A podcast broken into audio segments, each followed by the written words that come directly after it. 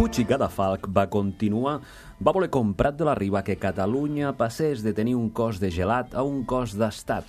Arquitecte perfecte, constructor de la natura, ho va fer tot amb dosi d'acupuntura, poc a poc, pam a pam, gram a gram, perquè tot es faci gran. Diem acupuntura, però podríem dir amb aventura, sense atura, amb l'ajuda romànica de gossos d'atura, sense cap caricatura, amb poca cobertura i amb molta cordura. Ai, la criatura es va sentir sol i no va expressar cap amargura, perquè va ser president en el pitjor moment i ell va continuar construint, netejant amb l'únic detergent de la seva clarament. Solitud de rentadora davant d'una bugada esfereïdora, Solitud fins a l'esclavitud, l'incertitud fins a Calatayud, solitud d'una gran magnitud, solitud davant la multitud, solitud amb molta inquietud, solitud de longitud, solitud quina vicisitud, solitud fins al taüt.